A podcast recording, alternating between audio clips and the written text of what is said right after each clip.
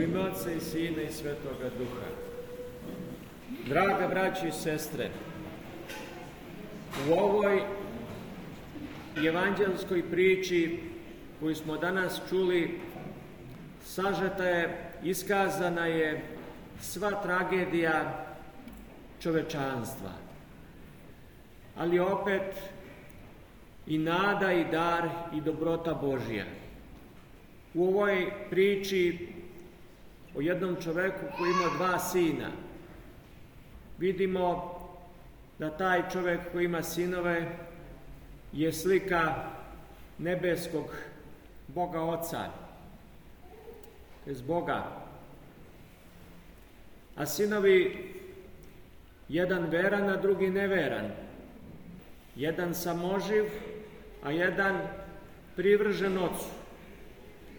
I kaže jedan od sinova da mu da otac deo imanja koji njemu pripada. I da mu otac. I kako on upotrebljava taj dar Boži. Jer je nama Bog poverio mnogo darova. Daje nam talente, daje nam blagodat, daje nam silu životnu, daje nam mudrost, daje nam mnogo toga. Ali kako se mi odnosimo prema tim darovima koje nam je Bog dao? Da li ih upotrebimo na slavu Božiju, da li ih upotrebimo na korist bližnjih, da li upotrebimo na svoje spasenje ili to što nam je Bog poverio mi zloupotrebimo. Da nam je Bog tu slobodu volje. To je bescen dar Boži čoveku. Zato možemo i biti sinovi Boži, jer imamo slobodu. Ali zavisi kako ćemo da ju potrebimo na spasenje ili na propast. I ovde u ovoj priči vidimo kako pokupi svoje i ode u daleku zemlju. I kaže, živeo je razvratno, bludno, grešno i potrošio je vremenom sve to što je imao. To odlazak u daleku zemlju znači odvajanje od Boga, otuđenje od Boga. I kaže, živeći u tim nasladama, znači potroši sve i dođe do velike bede. Tako i mi kada živimo grešnim životom, mi, mi prosto istrošimo tu blagodat koja nam je data. Mi se ispraznimo. Naša duša postane veoma siromašna, prazna. I treba nešto da se jede, treba da se živi od nečega i kaže počet da čuva svinje kod nekih gospodara u toj tuđini koji nisu uopšte bili dobri. Pa je želeo da pojede one žirive što svinje jedu, ono što i nije ljudska hrana. Eto koliko je bio pao, da je maltene se sveo na nivo svinje, one nečiste, pohotne, i u stvari došao je u duhovno ropstvo. Jer ti zli gospodari to su demoni. Jer duša kada se odvoji od Boga, kad čovjek kada se odvoji od Boga i kada se preda grešnom životu, on nema više onu pravu slobodu. On je porobljen onim pohotama, on je porobljen onim strastima i on je u jednom stanju ropstva. Duhovno, gledano, on je u stvari umro. Ima ime da je živ, a mrtav je. Tako na jednom mestu gospod naziva neke ljude, kaže imaš ime da si živ, kaže a mrtav si. Mrtav je za Boga, mrtav je za božansku, mrtav je za večno. Nije samo postojanje život. Samo postojanje bez smisla, bez ispunjenja, bez blagodati, bez radosti i nije život. I mi čujemo i u našem životu da kažemo, da ljudi kažu ovo mi nije život kad je sav u nevaljama, kad nema radosti, kad nema utehe, kaže i nije mi to život.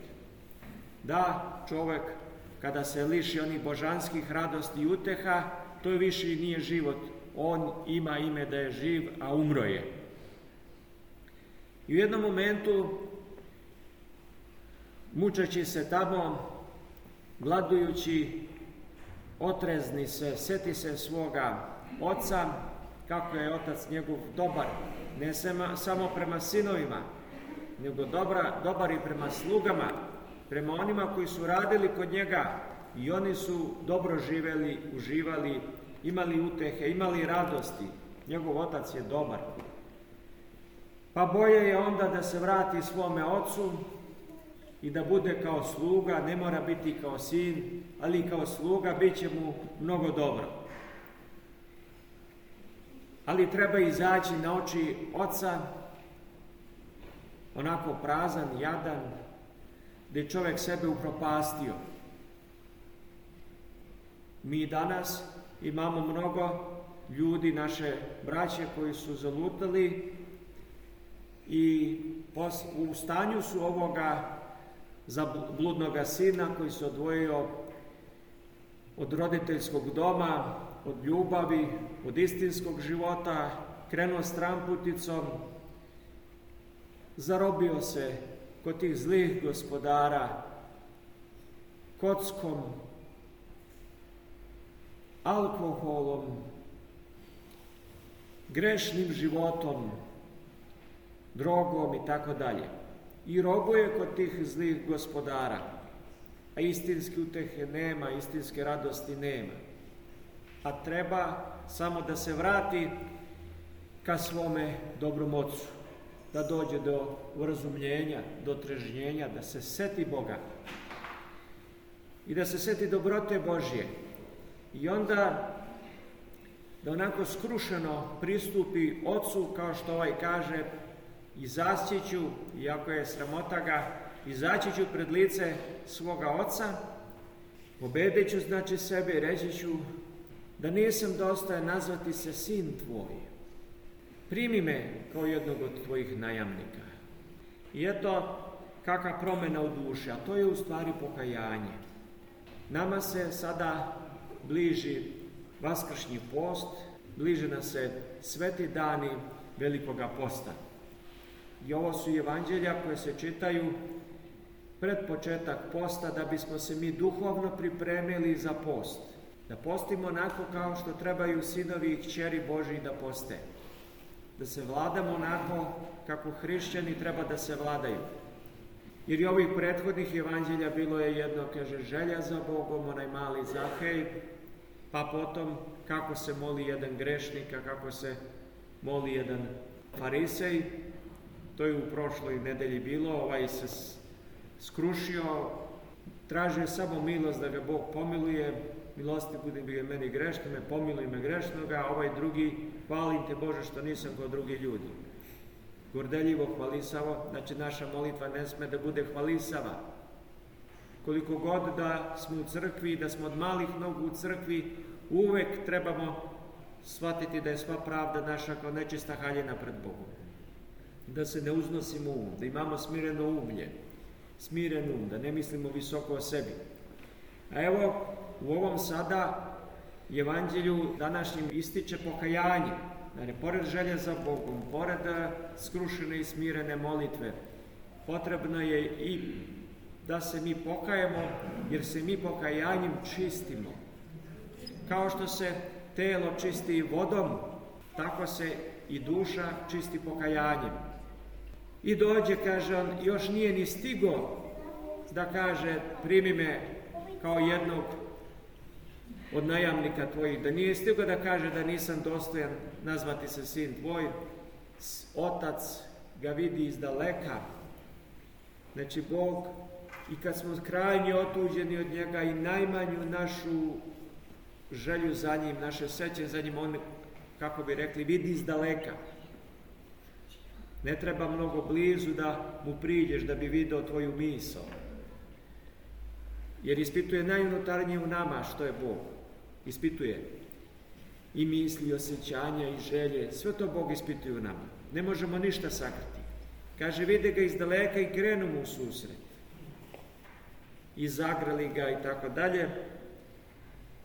I prima ga kao sina i raduje se kako se roditelj može da raduje kad mu dete koje je krenulo s tramputicom se vrati. To je neka posebna radost. I dade mu, kaže, prste na ruku, znači vrati mu dostojanstvo sina. I naredi da se ugo, tele ugojeno zakolje i da se razvesele. I sad imamo onog drugog sina, koji je bio veran, koji je bio stalo uz oca, koji je radio i čuje on tu, tu veselje i kad je pitao zašto su oni to vesele i kad je čuo da se njegov brat u stvari vratio i da je se otac tako obradovo i napravio veselje, osjetio se povređenim, kao da mu je učinjena neka nepravda, jer taj je sve uništio, sve upropastio, a njemu praviš ves, veselje, što bi rekli ljudi, trebalo bi mu batine dati. A on kaže da nema razloga da je on sad neveseo, niti je njemu učinjena neka nepravda, jer ti si, kaže, stalno sa mnom sve moje tvoje, ti si kao ja, znači mi smo jedno. A ovaj, kaže, mrtav beše i ožive, izgubljen beše i nađe se. Jer Bog želi, on ima drugu logiku, on želi da se svi ljudi spasu i dođu u poznanje istine. Mi danas imamo isto sa prelaskom iz ovog socijalizma jedne takozvane čistunce, koji misle da su posebni, da su bolji od ostalih. Mi smo stalno bili u crkvi i ovi kad nisu dolazili, mi smo dolazili. Oni sad zauzimaju prvo mesto, oni sad ovo, oni sad ono, a u stvari nekako mogu sebe da prepoznaju ovom drugom sinu koji propće. Kao da je nešto njemu uskraćeno. Ma ne, tebi nije ništa uskraćeno. Sve moje je tvoje. Znači, trebalo je obradovati se, brat se vratio. Jer Bog želi, kažem opet, da se svi ljudi spasu i dođu poznanje istine. I svi ljudi koji dolaze i dolaze, neka dođu. Neka dođu iz pomodarstva, mogu da se vrate preobraženi.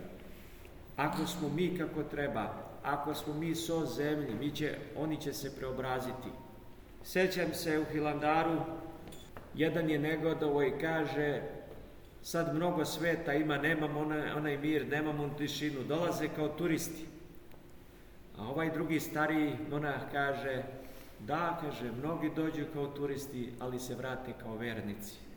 Jer od naše pobožnosti zavisi hoće li se i ti drugi preobraziti. Ako su bljutavi, čime će se osoliti? Znači, uvek da se radujemo kad neko dolazi u crkvu. Iako nikad nije dolazio. Da se radujemo svakom ko se obrati, jer, se, jer velika, kaže, radost biva na nebu među anđelima za jednog grešnika koji se kaje.